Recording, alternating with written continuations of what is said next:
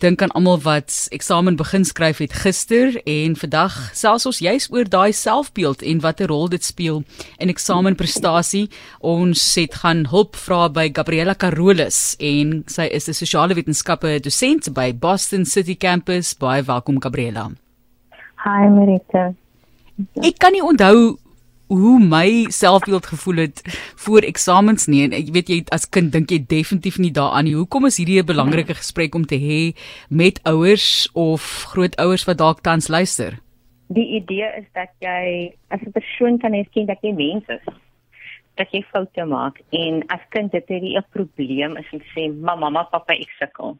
En baie van ons is is, is eintlik bang om te sê ek ek kan dit nie doen nie of kan ek met my maale gesels daaroor of jy bevraagteken jouself. So dis hoekom is dit baie belangrik om so 'n gesprek met 'n ouer te hê om te sê aanvaar jou kind as hy net huis toe kom en sê dit was nie 'n lekker papierie. Um iets het verkeerd gegaan. Hoe kan ek verbeter? So, ja. So as 'n mens nou gaan sit in die eksamenlokaal byvoorbeeld of jy's besig om te studeer en jy het meer geloof in jouself, gaan dit natuurlike invloed hê op daardie baie stresvolle eksamenperiode. Dit is so dit is dit is die eerste ding waar jy in jou gedagtes werk in jou gedagtes. Jy sit net nou alleen met jou boek en jy's besig om te dink aan gaan ek deurkom, gaan ek deurkom. Ek dink aan Desember, gaan ek see toe en alles daai gedagtes gaan deur jou kop en, en so dit is baie belangrik dat as jy oor jou selfbeeld werk of aan jouself vertrou werk, maak dit motiveer jou om verder te gaan en dit help jou om ook te erken wat moet ek nog leer of waar is die gaping in in wat ek moet vorentoe doen. Gabriella Carolus is ons gas ja. en jy kuier saam met Johan Rademan en Martlies Brink hier in 360.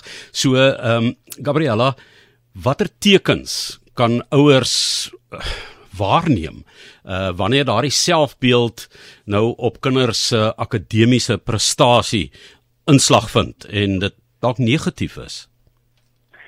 Soms kan jy soms voel as jy kind daai vak wat jy van jare van gehou het of soms voel die kind maar ek praat net negatief oor homself. Dis wanneer 'n ouer kan sê, "Mmm, maar dis nie meer my kindie" of dis hierdie die kind wat ek weer ken wat eintlik van die vak gehou het, mag dit Engels, Afrikaans of wiskunde wees of CAT of IT.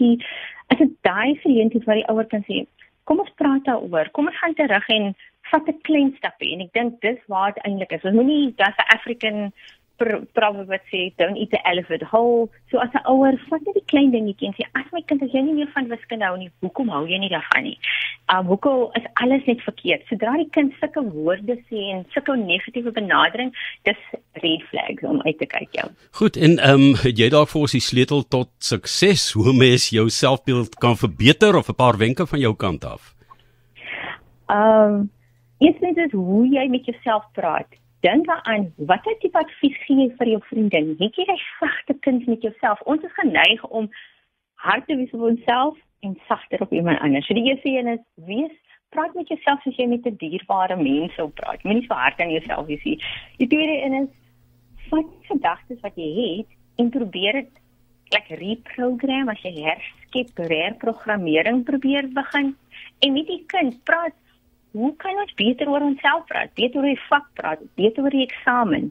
Probeer dit anders praat as 'n familie daaroor. En een is visualiseer waar jy op pad is. Soms is dit net so geneig dink aan die negatiewe ding, maar vir jouself sê die einde is naby. Al is ek nou aan die begin van my matriekeksamen, maar ek kan teen die einde uitkom. So dis dis die drie uh, die drie idees wat ek vir ouers sal sê. Fokus daarop en probeer dit elke dag met die kind te doen. Kinders ervaar geweldige angs. Jy's bang, jy stap in, jy's bang vir die uitslae, jy's bang vir wat almal gaan dink indien jy dit dalk nou nie maak nie. Wat gaan van jou lewe word? Jy gaan nie toegang kry tot 'n uh, tersiêre instelling nie. Hoe dit ook al sê, dis die tipe van angs wat kinders ook het. Maar jy het nou vir ons lekker raad gegee vir hoe ons dit kan bestuur. Jy kan maar vir ons nog bietjie bou daarop op en hoe ons ons kinders kan ondersteun en die regte gedagtes by hulle probeer opbring en hulle ondersteuningsgedrag by bydra daarbey om vir hulle te help daarmee? As ouers wil ek sê erken dat jou kind mens is. Um, hy self jy sê okay mami, mm, dis my gedagtes nie so wat ek het, maar ook erken dat ons almal maak foute en as hulle as hulle die foute vir jou nou te bring en sê okay, hoe gaan ons dit aan? Die tweede ding is praat met jou kind in 'n manier wat jy hom afbreek nie as ouer. Moet jy ook nie in jouself tyd angs bring nie. Probeer hom kalmeer en ook hom sê, "Oké, hoe gaan ons nou verder stap?" En as jy 'n positiewe positiewe woorde gebruik, gebruik dit op 'n kind se vlak. Moenie te, te groot vat nie en as hy vir jou sê, "Maar ek is nog steeds nie waar ek wil wees nie. Ek het nog steeds nie die punte wat ek het nie of ek dink jy probeer dit dit die antwoord te gee sê my kind ek is nog steeds lief vir u. Ek ons is nog steeds hier vir u. Dit gaan oor die hele persoon. Ons dink aan u net nie net as 'n persoon wat skryf nie, maar ek dink aan jou as my kind in 'n globale aspek. So ek dink dit is belangrik dat ons nie net dink aan die kind wat skryf nie, maar die kind wat eet, die kind wat slaap en die kind wat nog steeds aan die einde van die eksamen dan gaan wees. Laaste wenke van jou kant af vir algemene eksamensukses vir die leerders. Um probeer realisties wees met jouself. Jy weet as as leerder wat jy hier ingesit het en ook met jou met jou onderwysers en jou ouers, en sê vir jouself, ek weet wie ek is. Ek weet wie ek is saam met my maatjies, saam met my vriende, my familie, maar ek weet ek waarmee wat ek mooi ook het. So wees realisties en werk daaraan. En ek dink dit is dit is een groot ding wat ons almal en as ouers moet dat ons kind kan realisties wees as hy begin met die eerste stap te doen.